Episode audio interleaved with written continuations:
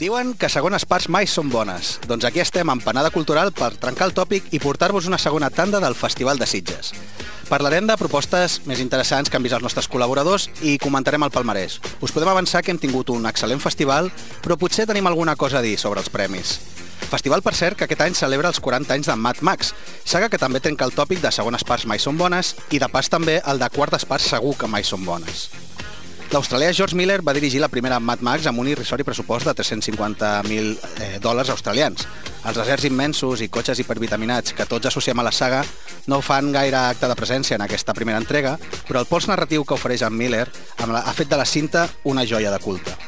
Dos anys després vam tenir la seqüela, Mad Max 2 eh, Road Warrior, amb un pressupost de 2 milions de dòlars, aquest cop George Miller va poder desplegar tot el seu arsenal visual i pirotècnic, amb grans panoràmiques del desert i espectaculars persecucions de vehicles fortalesa.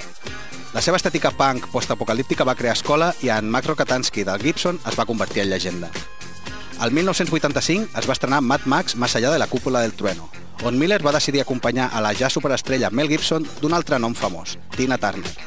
Un pressupost de 10 milions de dòlars que van permetre fer-ho tot més gran però la fórmula ja començava a estar un xic esgotada i el fet de que mitja pel·lícula acabi girant al voltant d'un oasi amb nens abandonats van fer que la recepció fos una mica més tèbia. De fet, la saga va restar en descans durant 30 anys.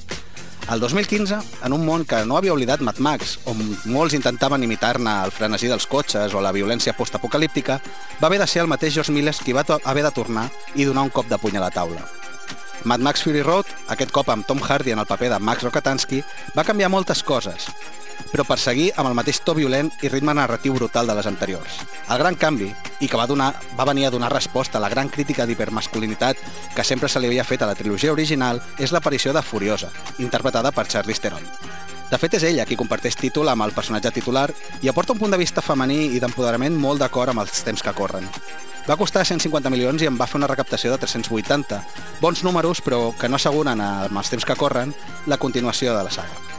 Però bé, que això és només l'editorial i no volem entrar en detalls.